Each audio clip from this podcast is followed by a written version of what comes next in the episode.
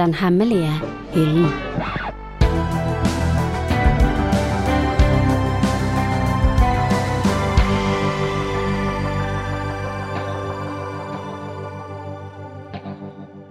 Hei, og velkommen til Den hemmelige hyllen-podkast fra Bergen offentlige bibliotek. Eh, mitt navn er Joannena, og jeg jobber som litteraturformidler på hovedbiblioteket. I denne serien snakker vi om bøker som vi mener må lånes og leses mer.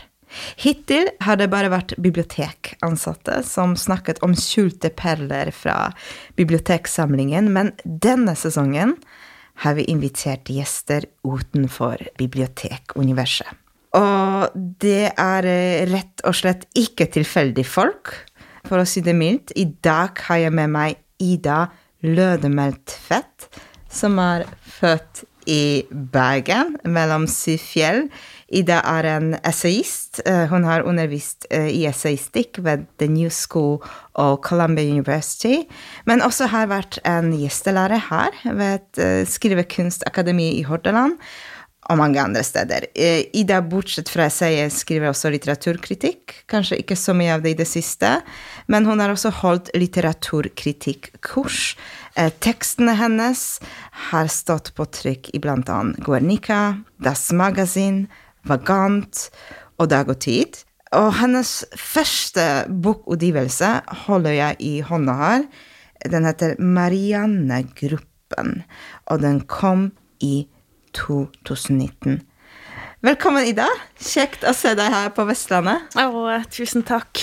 Utrolig kjekt å være her og lage podkast i et hus som føles mer som en flik av underbevisstheten min enn et hus. Biblioteket i Bergen. Veldig kjekt uh, at du har. Uh, jeg har spurt deg på forhånd uh, om å ta med deg tre bøker eller forfatterskap ja. som du synes fortjener mer oppmerksomhet. Mm -hmm. Og det eneste kravet var at de finnes hos Bergen bibliotek. Men før vi snakker om disse bøkene, mm -hmm. vil jeg gjerne høre litt om dine lesevaner for tiden. Men du har jo bodd ulike steder, du har reist veldig mye, du er en frilanser, og den type livsstil krever en viss fleksibilitet i lesevaner. Så jeg lurer på hvordan og hvor liker du best å lese, hvis du har noe ja, retningslinjer på det?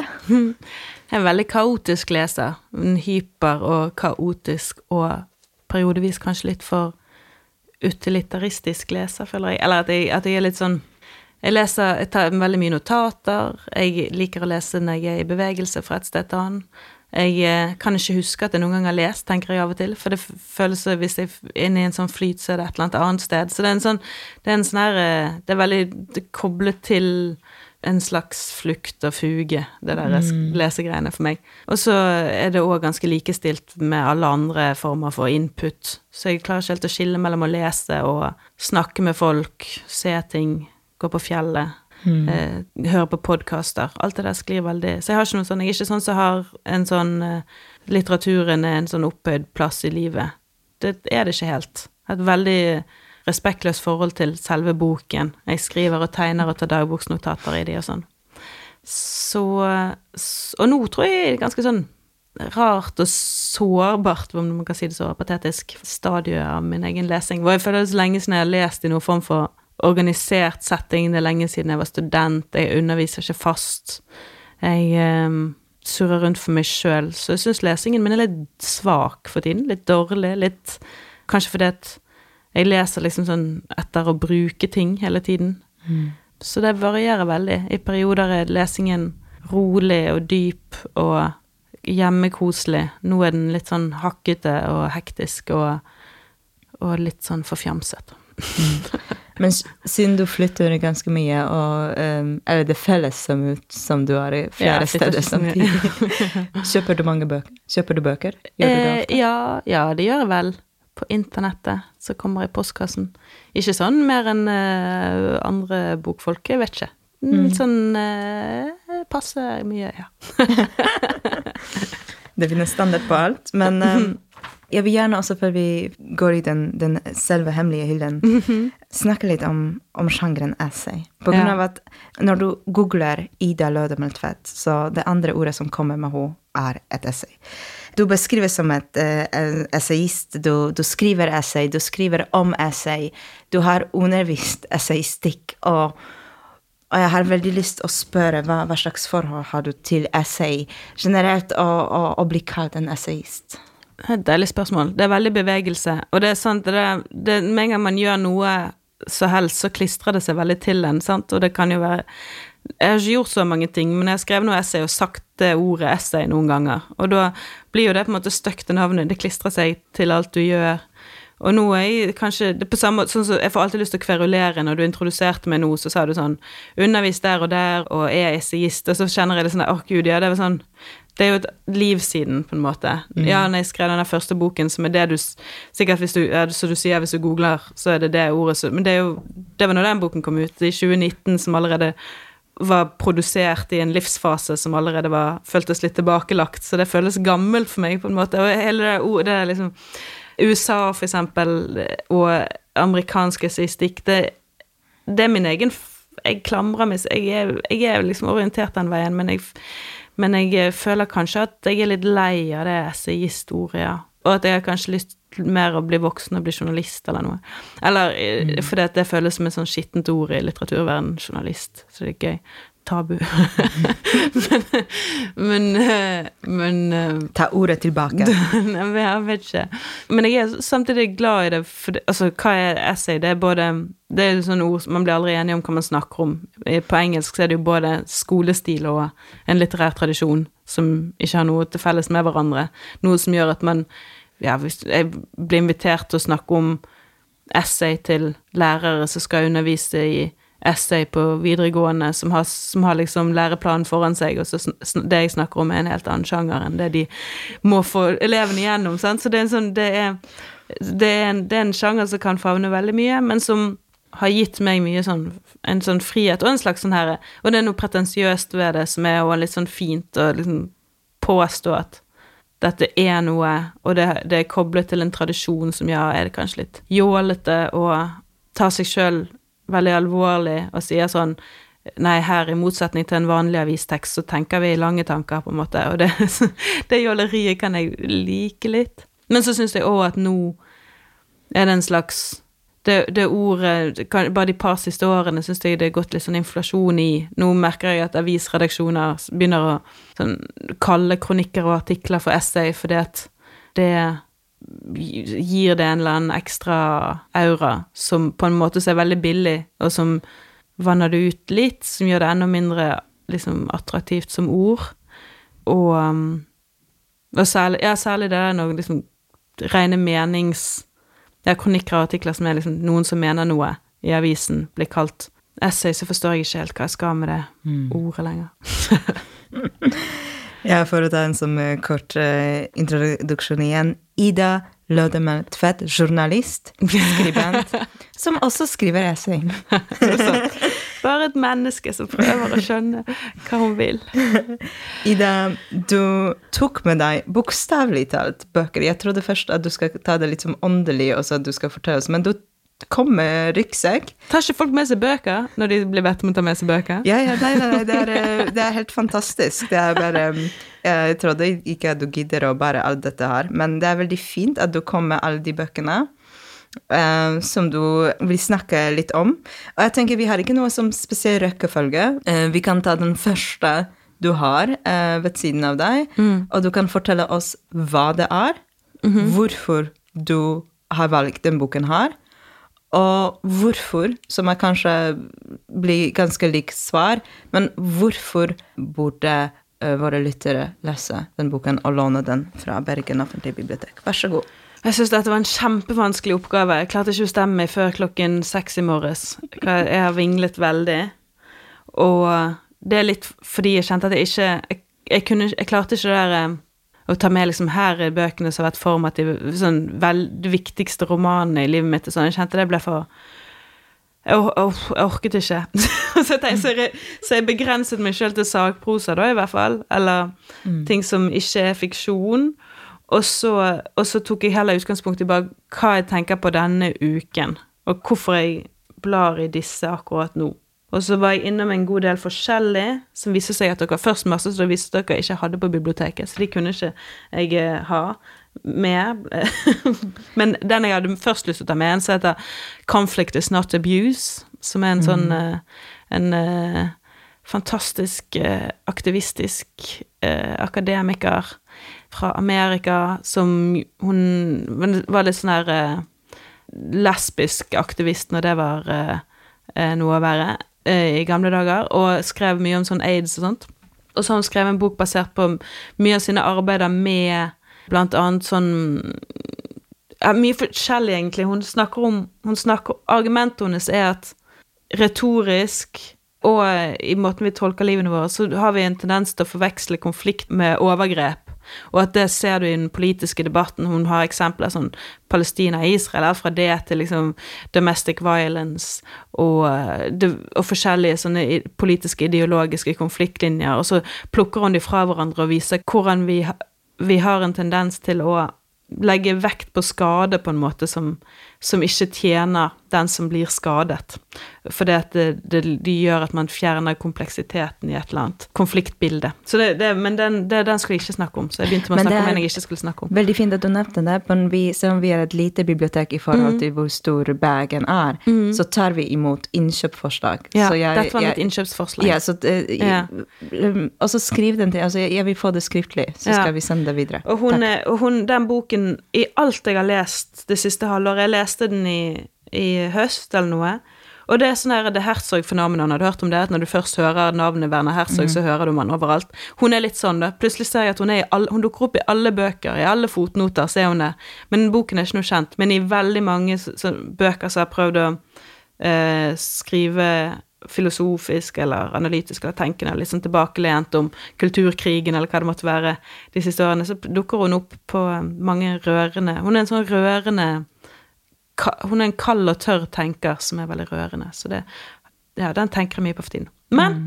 det er ikke det jeg har tatt med. Alt jeg har tatt med, var, er bøker som på et eller annet vis for meg forteller meg noe om hvordan man kan fortelle fortellinger om kroppen og følelsenes rolle i kunnskapsproduksjon og tolkning av historie på en måte som ikke blir for sånn eh, nå går vi på litteraturvitenskap her, og vi, vi, vi, eh, driver ikke med hard science, men på en måte som måtte manøvrere mellom de to. Nå, nå, babler jeg. Jo, første bok! første bok er en bok som jeg har drasset med meg siden den kom ut for 13 år siden, eller noe sånt, som er en biografi om Kleopatra av Stacey Schiff. Som jeg tror er den biografien jeg har lest i mest i mitt liv. Og jeg har bladd i den mye denne uken fordi at Kanskje litt av at jeg så at det var en sånn ny Netflix-dokumentar Nei, eh, film, spille, et eller annet mm. om eh, Det var mye sånn kulturkrigdebatt om eh, om at de hadde hatt De var en svart skuespiller skulle spille Cleopatra eller noe sånt. En eller annen sånn klarer ikke helt å engasjere meg i det, og kommer ikke til å se den fordi at jeg vil ikke ha mine indre bilder uh, forpestet av Netflix på akkurat dette. Men denne boken som jeg vil tro at de har basert seg mye på, for dette er den store biografien om Kleopatra, er helt rå og sinnssykt morsom. Og den fins på norsk, og den fins her på huset. Og er, jeg sa jo at den er skrevet av Stacey Schiff, og hun er en sånn uh, Hun har et språk som er helt utrolig skarpt, og det dette er, på en måte, er fortellingen om Kleopatra som Altså mottagelseshistorien, resepsjonshistorien til Kleopatra, og all propagandaen som har gått inn i å forme vårt bilde av hun, og hvor helt hesblesende og komisk feil mye av det er. Så hun går gjennom alle kilder man har, da, fra For det første, sant, hun, hun, hun siste farao i Egypt, hun eh, arver en eh, ganske elendig økonomi fra sin far, som for det meste bare ville sitte og spille fløyte, og får på en måte skylden for at eh, det går At hun ikke klarer å make Egypt great again. Og fordi at hun er en sånn tøs som bare ligger rundt med romerne, og på en sånn strategisk måte, da, liksom. Men ryktet hun får på seg opp gjennom historien, først gjennom Altså, de første kildene er jo på en måte romerne sine kilder, som ser på hun som det som truer det maskuline, rasjonelle, vestlige. Sant? Hun er det fem fatale fra Østen som er irrasjonell og teatralsk og bare vil at alle skal se på henne hele tiden. Det er fortellingen, og de forskjellige kildene er så, Det er så morsomt. Bare Cicero, sant, den store statsmannen og retorikeren i sin samtid. Måten han beskriver henne på, er så Det, det, det er så fantastisk eh, avslørende, da. Måten han sier sånn Ja, jeg forakter henne, hun er helt ufordragelig. Uansett så ga hun meg ikke gaven hun hadde lovd meg. Så det er, sånn, det er hele tiden en full sånn forventning. Så hun, hun er en sånn og det, og, og det er ingen som nevner noe i de gamle kildene om at hun var pen, for eksempel. Det er først eh, sånn på 300-tallet kanskje etter Kristus er det noen som begynner Så er det kanskje én kilde som sier hun var ganske fin. Og så er det først i middelalderen hvor de begynner å si sånn Her beauty was not surpassed by anyone. Så det, så det, det er en sånn I de arabiske kildene, viser hun, eh, så var hun alltid kjent som en intellektuell. Hun hadde studert filosofi, hun hadde studert retorikk, hun kunne ni språk. Hun var kjent for å være vanvittig godt selskap og lage god stemning og kunne mye. Det var det hun var kjent som. Og så ser du da hvordan kildene eh, Ved å på en måte putte henne på en pedestall, eh, gjør hun ekstremt liten da, og diskrediterer hele det politiske prosjektet som hun hadde, som egentlig var et eh, et nesten vellykket prosjekt om å liksom lage seg allianser, riktignok delvis gjennom å ligge seg til de med romerne, og, og bruke et enormt teatralsk talent. Det er sånne kjente scener som at første gang hun møter Julius Cæsar, så så har hun liksom sneket seg inn i palasset, rullet inn i et teppe, er liksom fortellingen, men egentlig var det sannsynligvis en slags striesekk eller en bambussekk som hun plutselig hopper ut av da 21 år gammel, og han er 52 eller noe sånt, og sjarmerer han i senk og, og, og, får seg et barn med, med han som hun tar med seg hjem til Egypt, sånn at hun har etablert en slags hellig allianse, da. Og, og seinere eh, og senere med Mark Anthony, og så, og så viser hun hvordan skifter, så skriver denne boken, viser og hvordan disse fortellingene blir tvistet, annet av Shakespeare, som har null historisk peiling på dette, virker det som, da ifølge hun, eh, som, som, forteller en fortelling som er basert på de mest løgnaktige kildene. Og så når hun eh, mislykkes med prosjektene sine til slutt, og hun eh, tar livet sitt, så er det liksom én versjon som florerer, versjon lenge, etter den det ender opp med at, at, det liksom hun, at hun Det er liksom gift i puppen. Hva er det? Det er mange versjoner av det der greiene. Men, men altså, alt blir seksualisert gjennom historien, så det går jo sånn 300 år, så blir alle fortellingene skrudd fra å være eh, en fortelling om et politisk kløktig menneske til å bli en sånt noe ganske monstrøst, men veldig mektig. Men den makten er det som Det som gjør hun Det som gjør det så interessant, denne fortellingen, for meg, er at det som ser ut som dyrking, feiring av hennes skjønnhet, av hennes kraft, egentlig en enorm fornedring av hennes navn, som er en sånn mekanisme som Så det er på en måte en sånn lang psykologisk fortelling om, om forakt i form av mytedyrking. Altså, jeg, jeg tenker på sånn, hvis, det, hvis du hadde spurt meg da jeg var liten, hvem Når levde Kleopatra, og når levde eh, Cicero? Mm. Cicero Nei, kanskje jeg ikke visste hvem de Cicero var da jeg var liten, men jeg tror folk tenker at Cicero er en historisk figur som ikke levde for så lenge siden. Kleopatra er en mytologisk figur som levde i en mytologisk fortid. Sånn føles det nesten. sant? Det egyptiske føles, det føles som om det, det eksisterer i en annen type virkelighet. Full av liksom smoke and mirrors og tåke, men det var samtidig Det var like å lese denne boken er på en måte å lese en gammel fortelling om en kulturkrig som ikke er så ulik vår, for du har noen ideer om, om det østlige og det vestlige, eller det maskuline, det feminine, det irrasjonelle versus det rasjonelle, det kunstneriske versus det kalkulerende, vitenskapen versus eh, følelse og, og, ekstravaganse og alt, og askese i, for, i motsetning til til eh, noe sånn flamboyant. Alt det der. Du har liksom alle de kreftene der, og alle de patetiske, stusslige tingene man ser i menneskene, i måten de prøver å som, kommer, som avsløres i disse kildene idet de prøver å holde de to tingene fra hverandre og fortelle en fortelling om at det er det som er konflikten, men det var aldri det som var konflikten. sant?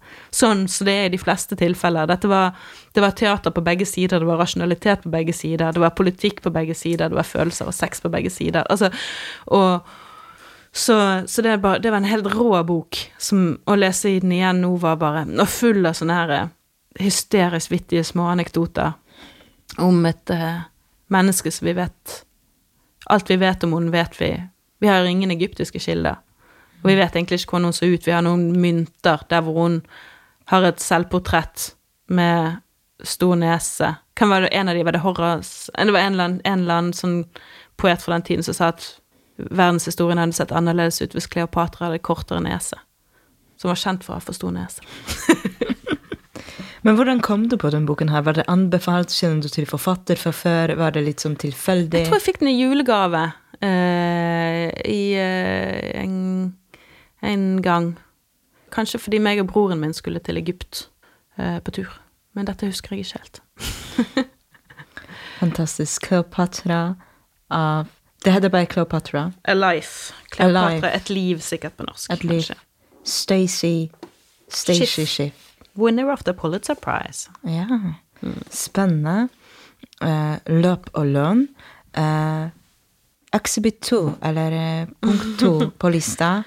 Uh, punkt 2 på listen. Nå tok jeg med en som Dette var den som jeg bestemte meg for noe helt på nippet her. Fordi dette føles sånn eh, at jeg ble innhentet av sånn essay og Amerika og alt jeg prøver å riste av meg. Men her er en amerikansk essayist-essayist som jeg har snakket om i andre sammenhenger før, som heter Maggie Nelson.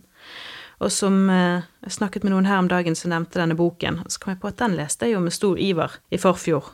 Og så bladde jeg i den igjen, og så skjønte jeg at her har jeg Den heter On Freedom. Four Songs of Care and Constraint. Og den finnes da her på biblioteket. Og så når jeg bladde den igjen nå, så så, så jeg på notatene mine at denne boken har jeg faktisk formet veldig mye av det jeg har tenkt på de to siste årene. Jeg har liksom ikke kreditert henne i sjelen. Så derfor tenkte jeg kunne snakke om henne nå.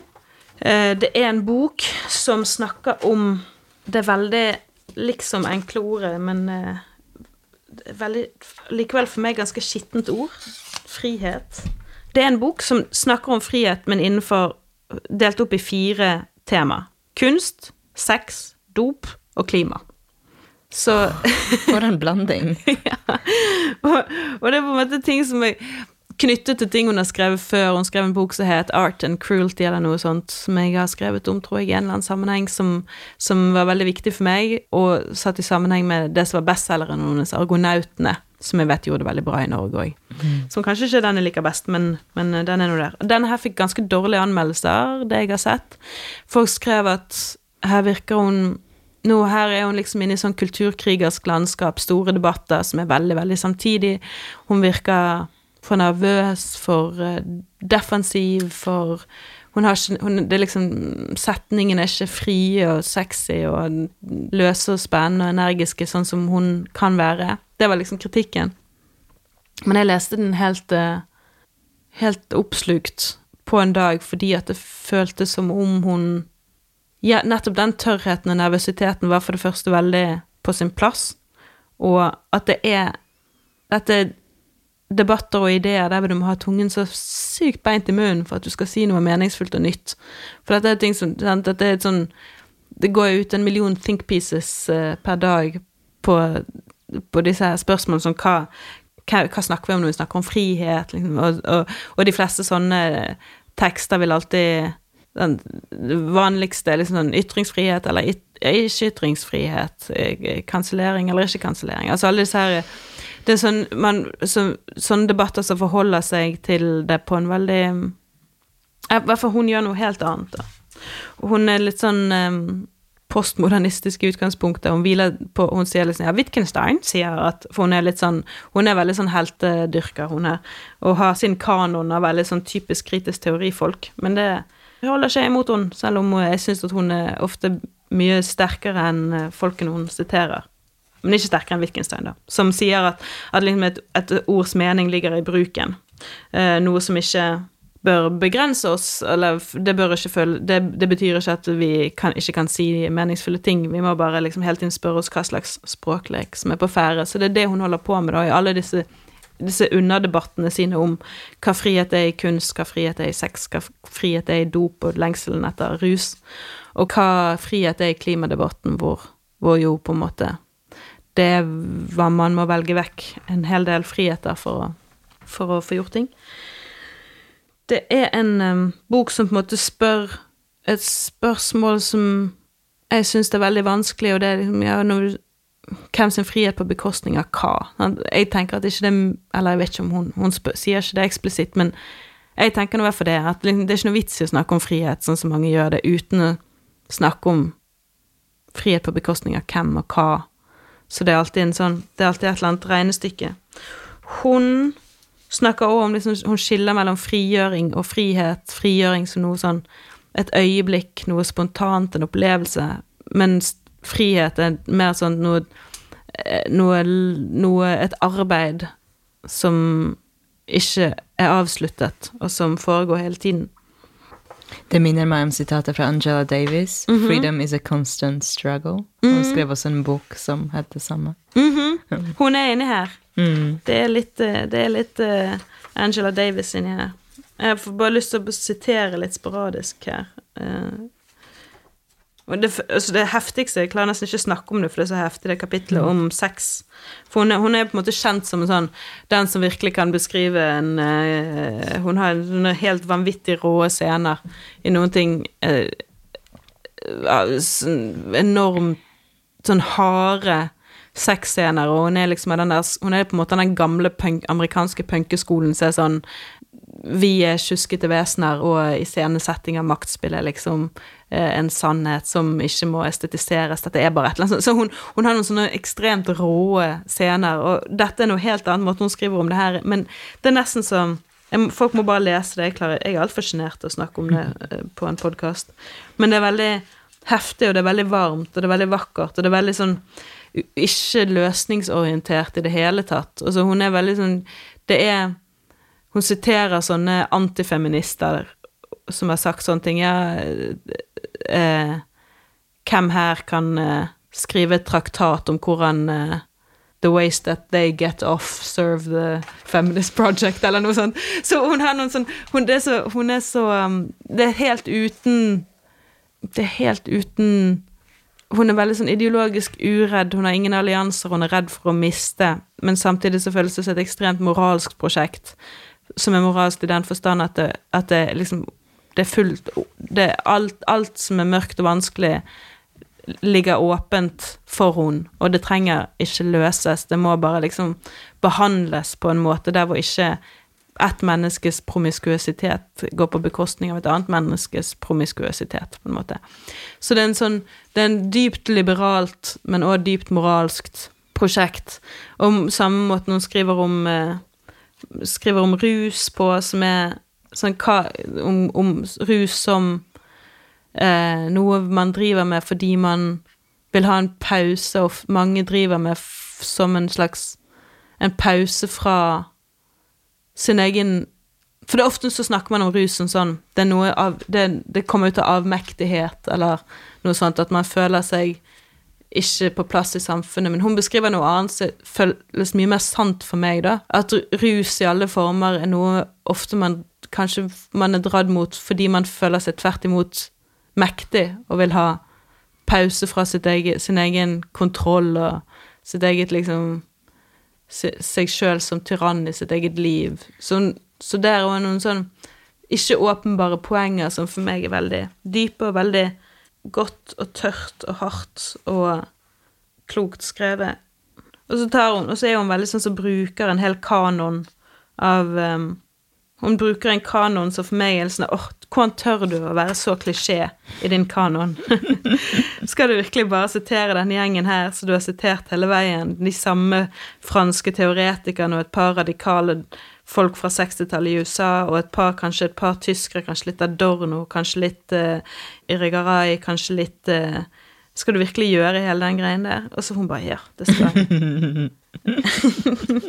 det er en sånn bok som òg ikke lar Litt sånn som i likhet med den boken som jeg ikke kunne ta med, for den er ikke her på huset, så er det en sånn Den viser òg veldig fram hvordan svakhet kan bli bevæpnet, og hvordan liksom den største fellen vi kan lage for oss sjøl og vår egen frihet, er altså sånn Fortelle livet vårt på en måte der hvor vi sjøl bare var passive mottakere av hendelser, på en måte.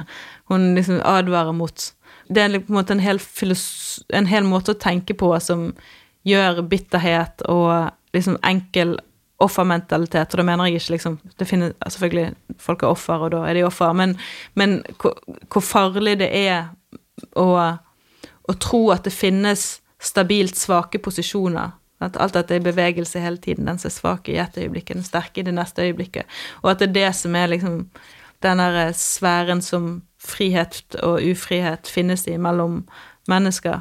Som for meg er det en måte hun tenker på, veldig håpefull og åpne og helt uten sensur, altså, sensur alt, altså hun, Jeg tror kanskje hun Det er hun som sier et sted at um, Eller kanskje det er meg som skriver det i notat i margen til henne. Men at, at, at, at Altså, fins det egentlig noe kunst Fins det noen som helst artefakter som ikke er sensurert? Altså det, hvis det er formgitt, så er det en slags Det var helt malapropos. Men, men det, føles, det føles dypt, dypt frihetsorientert, uten at det er snakk om den friheten som, som er sånn banal frihet. Så det er sånn Jeg vil være fri til ikke være ansvarlig for mine egne handlinger, som er sånn barnehagefrihet mm. som man møter stadig vekk i offentligheten og i eh, essay i Aftenposten, eller hva det måtte være, men som er bare er veldig teit. Men hvis du vil finne oss en sitat oh, jeg skal finne en sitat. så har vi tid til det. Ok. Oh, jeg slo opp på en side her. I'm totally into pathetic masculinity. ja, det var den. Skulle bare den. det var helt tilfeldig på mm. side. Skal jeg kan finne flere, jeg. Um, og dette er fint. Uh, er en sånn sitat som, sånn, som er sånn anti-Freud. Og anti en måte, sånn, en måte freudiansk tenkning egentlig er overalt i måten vi snakker om uh, hvor drivkreftene i samfunnet kommer fra. Men, så hun har en setning her som Jeg har den, ja, jeg leser det på engelsk. Uh, the idea that we're all suppressing a cauldron of urges toward taboo behaviors or subjects that are held in check by the repressive forces of superego, law, or Twitter mobs does not seem to me an accurate description of either ourselves or the world. Som jeg syns er veldig klokt, for det hun sier, er at Altså, jeg tror ikke helt på på at, at, vi drives av alle disse her undertrykte kreftene. Og det samsvarer veldig mye, men det som jeg føler mer og mer er liksom hjertet i veldig mye av det jeg tenker på, at jeg tror virkelig at, at vi lager kreftene i oss mer enn vi finner de. At vi lager de i møte med de folkene vi tilfeldigvis møter på, og de situasjonene vi havner i, og at vi tilpasser oss, at vi er veldig, veldig plastisk. Og at sånn er det politisk og emosjonelt, og, eh, og med en gang man tenker at det er sånn òg. Jeg tenker også at vi er født ferdige maskiner med driv og personlighet og ting vi vil, absolutt, men, men den måten hun avviser den veldig sånn banale bruken av ideen om tabu, som jo er overalt, og dette er ikke lov fordi det tar Eller sånn Det passer ikke helt med sånn verden ser ut for meg. Folk kommer og påstår at ting er tabu, så sånn, ja, er det noe det? Liksom. Mm. Yes. Maggie Nelson, On Freedom. On Freedom, four songs of care and constraint. Lovely. Og den, er, eh, den, har vi bare på engelsk. Det tror jeg dere bare ja. har på engelsk. Men det er en stor fordel uh, for de som kan, og jeg vet at veldig mange foretrekker faktisk å lese på engelsk. Engelske forfattere. Mm -hmm. For da blir det på en måte mer direkte. Så den har vi. Den har vi på hylla. Er vi klare til å hoppe til, til, den tredje, eller har du en sitat til Nei, jeg har bare lyst til å gjenta en gang til I'm totally into pathetic masculinity. Jeg bare synes det var veldig Ja, det fortjener til å bli hengt på veggen et sted, vet ikke helt hvor. Men uh, vi kan tenke litt på det mens vi går til punkt tre punkt på lista. Tre. Ja, nå blir det veldig surrete her, for nå har jeg vært Altså, jeg har på en måte stått mellom to, men jeg tenkte jeg måtte ha en norsk, og da skal jeg snakke om noe som jeg ikke Jeg må snakke om en som jeg ikke har lest så mye, litt fordi at jeg har tenkt de siste dagene at jeg må lese den. Men det har jo nødvendigvis kanskje ikke så mye å si. men, eh, men, jeg satt, og, satt, her og leste i Espen Stueland sin nye bok, 'Historien med eller uten kropp', som virker som om det skal bli en veldig bra bok. Jeg er bare en tredjedel ute i den. Men det som det fikk meg til å tenke på, er noe jeg har tenkt på før, og dette, dette er det ett liksom norsk levende forfatterskap som jeg føler at jeg burde lese. Jeg syns biblioteket burde ha et sånn Nå leser vi alt av Espen Stueland lesesirkel. Eh, fordi jeg føler det er et eller annet utrolig vakkert med prosjektene som virker så konsekvent. Og det virker som om han har noen sånne lange linjer, store ideer som han har hatt siden jeg Når jeg først hørte be, bevisst på han, så var det Da hadde jeg akkurat begynt på UiB. Det var i 29, tror jeg. Og jeg begynte på bachelor. Og det var første eneste gang jeg har vært på en norsk eh, sånn eh, ph.d. greie. Fordi at jeg hørte om den Jeg så den her bare, det er en sånn tjukk, stor bok, sånn. Eller var boken kom til nå, jeg husker ikke, men det var nå rundt de tider. Og det var et sånt prosjekt sånn sånn kan du skrive! Akademia. Faen, det, det var da han kom en, Som var basert på doktorgradsarbeiden sin, den svære boken som het Gjennom kjøttet. Disseksjons- og et eller annet eh, kulturhistorie. Som jeg har bladd i alle år siden, og som er et fantastisk stykke arbeid. Og det er så vakkert. Og det er og det, det, det virker som om det har på en måte vært prosjekt hele tiden. En sånn hvit Altså, han skrev om korona, han skrev om Hva var det de het? Pandemijournalene? Um, pandemiarkivene. Pa pandemiarkivene. Han, det, er noen, det er en sånn gjennomgang her med, med, med hvordan Hva er forholdet mellom vitenskapen, altså den vitenskapen, sånn hard science, og soft science, og humaniora og og, de, og det, er, det er noe sånn rørende med måten han bruker form Han bruker, han er en ganske sånn klassisk essayist. Han òg er sånn som har veldig sånn kanon, som er veldig bestemt kanon. Han er litt sånn lik som Maggie Nelson på den måten, sånn som mange essayister er. At de har en sånn her er mine folk, og jeg bruker de til å tenke over disse her problemstillingene som er en sånn idéhistorisk gjenganger. Og jeg gjør det på nytt, så dette har mange gjort før, men jeg gjør det i kraft av at jeg ser på disse eksemplene i historien. Jeg finner noen eksempler, jeg anvender disse tenkerne på det. Og jeg tenker sakte, og han er ikke flashy, og kanskje en av grunnene til at jeg har sånn dårlig samvittighet overfor det forfatterskapet, er at jeg kanskje ikke syns at han er så veldig gøy. jeg syns ikke det er liksom Det er ikke sånn kjempesvung. Han er ikke en vittig forfatter, jeg, og jeg har altfor stor eh, sånn Jeg eh, favoriserer eh, vittighet helt eh, altfor, altfor høyt. Jeg har aldri beundret et sinn som ikke var vittig i hele mitt liv.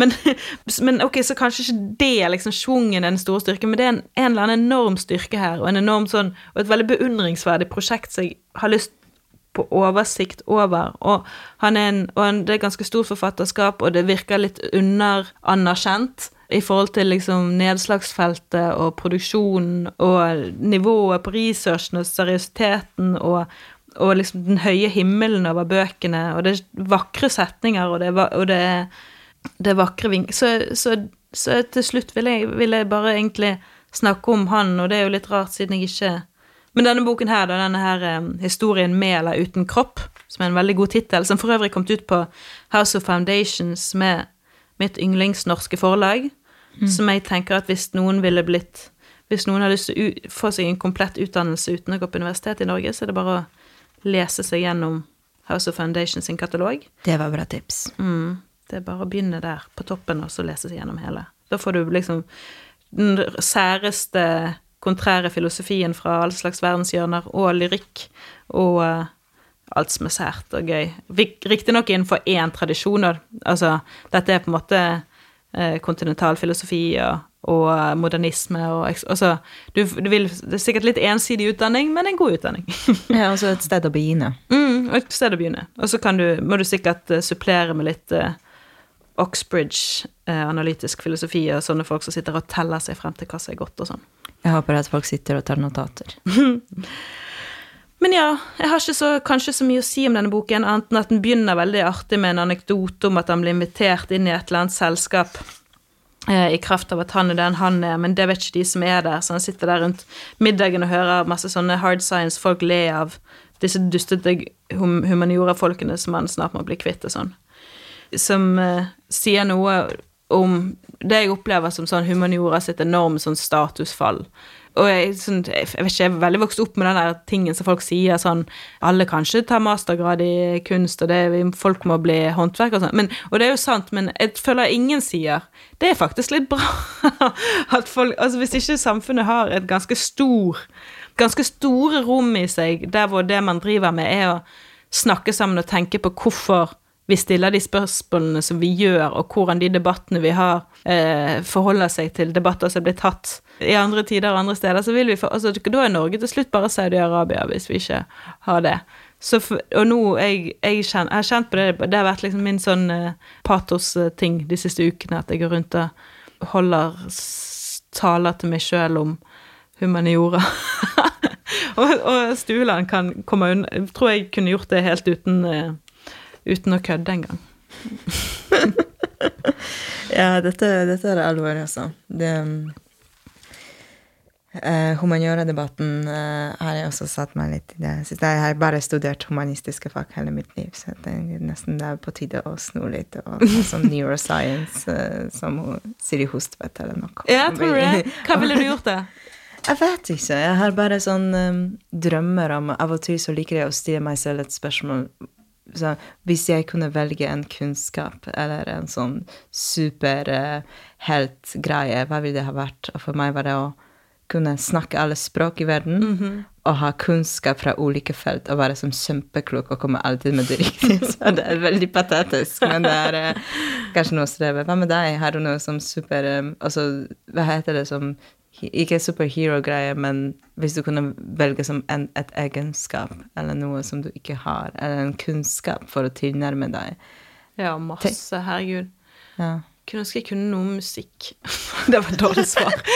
Nei, men det er eh, kjempe altså, musikk, for det, det, det er en hav av muligheter der. Jeg kunne ønske jeg hadde Altså jeg, Det er akkurat som jeg ikke vet Sånn som når du sier så bra at jeg tar med bøkene hit. Og så tenker jeg sånn, Hvordan kan jeg snakke om de hvis jeg ikke har de her? For jeg har jo ingenting om de bøkene oppi hodet. Jeg vet ikke egentlig hvordan det skal Jeg forstår ikke helt at folk kan oppleve at kunnskap er noe som sitter fast i de, oppi de, inni de. Jeg føler alt er der ute. Alt er i notatbøkene og i bøkene, og i, sånn, det oppstår når jeg snakker med deg nå. Men jeg kan fantasere med å være et menneske som er en beholder av kunnskap. Men av og til så tror jeg at ingen er det. Du mener som en levende bibliotek? Ja, eller, eller bare som et, som et som Å ha mer, et mer leksikalskt anlagt hode. Eh, Det kan jeg fantasere om, men jeg vet ikke hva det hva den eh, Men, jeg, men jeg, jeg tror jo òg at, at mesteparten av kunnskapsproduksjonen er liksom aktivitet mellom ting, og ikke noe som bor et sted. Men det der at- Man vet jo ikke hvordan det er å være i andre folk sine hoder. Så det kan være noen går rundt og opplever at de, at de kan ting. Ja, men um, jeg tror du også ikke ser, ser deg selv, Uh, men det er jo fysisk umulig. Men eh, uh, Ida kom med masse notater. Hun skriver mye. Hun skriver stort. Uh, hun skriver eh, også mens, eh, mens man snakker. Kanskje ikke akkurat nå, men selv om du holder den notatboka, og du tok den med deg, så ser du på veldig sjelden på det når du snakker. Og det blir en, jeg synes det er en litt sånn åndelig opplevelse. på Det at liksom det, det, det bare projisert. De ordene du bruker, de bare kommer fra, fra et sted i universet og går gjennom det uten at du faktisk ser på de notatene eh, som du har med deg. Så det, jeg tror det er veldig, veldig mye kunnskap som sitter ganske fast og blir bare eh, Kanskje et safety blanket, den her eh, notatboken. Det kan være. Men det er i hvert fall den følelsen av at um, ting må ha Det må finnes fysisk. Men det er det tenker, sånn um, I undervisningssammenheng, du spurte om liksom hvordan jeg leser og sånn. Så har jeg alltid prøvd det der med å få, å få studenter til å liksom begynne å lære seg så fort som mulig å dokumentere leseopplevelsen sin så tidlig som mulig. Jeg tror, jeg tror ikke på at det går an å lese uten å skrive. Jeg vet at folk gjør det, men jeg klarer ikke å tro på at det faktisk Jeg klarer ikke Jeg skjønner at det er jo noe å gjøre på, men jeg forstår det ikke helt. Og, liksom det, og, og hvor fjernt det er for folk lenge at, at de må så Ofte når jeg begynner med en, har begynt med en ny klasse, så er det sånn Ja, nå må liksom gå Sett dere et sted med denne boken, og så bare dokumentere hele dagen. Sånn, hva fordommer har dere om boken på forhånd? Hva tror dere at dere skal føle? Hvor sitter dere når dere leser? Går dere en tur på to timer, legg fra dere boken, men dokumenter hva dere føler og tenker om boken. Er dere irritert? Er dere kvalm? Føler dere at denne boken er teit? Føler dere at denne oppgaven er teit? Liksom, å få det der det utenfra-perspektivet på sin egen leseerfaring virker for meg som sånn den eneste veien inn i en liksom sofistikert bearbeiding av kunnskap. For det, det er den eneste veien for meg. Men jeg, så, så møter du studenter som har gått gjennom hele skolesystemet uten å gjøre det. Og så tenker jeg, hva, hva har dere gjort på? Jeg skjønner ikke det. Jeg skjønner. Det er for meg det, det Men jeg tenker mye på fordeling. Hva er det å tenke for andre folk? What is it like to be a bat? Som jeg sa.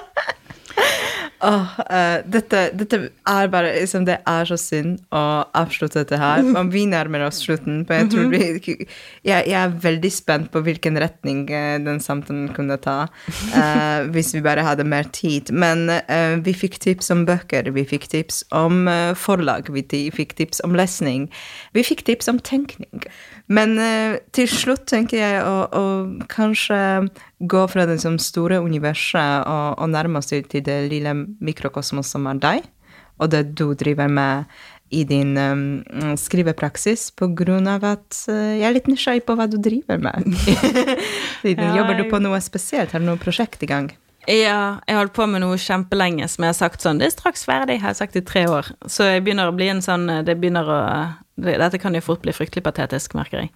Dette kan jo bli min skjebne, at jeg aldri fikk til den der boken som jeg prøver å skrive. Jeg vil ikke snakke så mye om den, for jeg er så redd for å liksom punktere det i hodet. Hver gang jeg sier noe, så blir, mister jeg interessen for ideen. Så jeg må være forsiktig. Men, eh, men jeg prøver Det er litt sånn samme sjanger. Det er noe sånn eh, sakprosa-ish, ikke eh, mer kanskje fortellende For det, det folk har lest av det, er folk eh, på langt nær like giret på som de standard essayene mine. Men jeg har nå i hvert fall forelsket meg i et eller annet sånn prosjekt som er Hvor jeg gjennom forskjellige tekster om forskjellige temaer prøver å forstå noen problem som for meg er store og både personlige og politiske og vanskelige, og som jeg har liksom prøvd å, prøvd å skjønne i kanskje tre år hva spørsmålet mitt egentlig er. Så jeg er på en eller annen sånn eh, Nå svarer jeg veldig kryptisk, jeg vet det, men jeg holder nå på med det da, og prøver å finne ut hva det er jeg lurer på, og det har jeg holdt på med lenge. Og så er vel Om det funker til slutt, vil avhenge av hvor godt jeg klarer å artikulere spørsmålene, problemene, mer enn om jeg klarer å besvare de, for det er i så fall helt sekundært. Jeg håper at neste gang vi møtes, så kan vi snakke om det prosjektet, kanskje. Det hadde vært deilig hvis det var ferdig. Og så er jeg så sykt giret på det jeg har lyst Har du det sånn at hvis du holder på altså Det er sånn når man blir mett på det med prøvd å løse noe lenge, så tenk, det sånn hadde det i hvert fall når jeg studerte og sånn, at med en gang jeg begynner å synes at noe er kjedelig, så betyr det at nå er jeg i stand til å skrive det. Mm. Det var det, en, det og, Så nå Jeg tenker at det er bra at jeg syns det er kjedelig, for nå fantaserer jeg bare om det neste prosjektet. Det som kommer etter det, som virker veldig enkelt. Det skal bare smelle ut på et halvt år. Det er kjempegøy, det er superrelevant, det er ikke noe sånn vanskelig, bla, bla, bla. Så jeg tar det som et godt tegn. Lengter veldig etter eh, prosjekt nummer etterpå. Podkasten heter Den hemmelige hilden, så det var godt med litt sånn mystisk avslutning. Eh, Ida Lodemel Tvedt, journalist, skribent, som også skriver essay. Takk for at du kom til oss, takk for at du delte din kunnskap og fantastisk energi, og vi ønsker deg lykke til med det mystiske prosjektet som er i gang. Tusen takk for at jeg fikk komme, Johanna. Veldig kjekt. Du har lytta til en podkast fra Bergen offentlige bibliotek. Du finner flere podkaster fra oss på våre nettsider bergenbibliotek.no, eller der du lytter til podkast.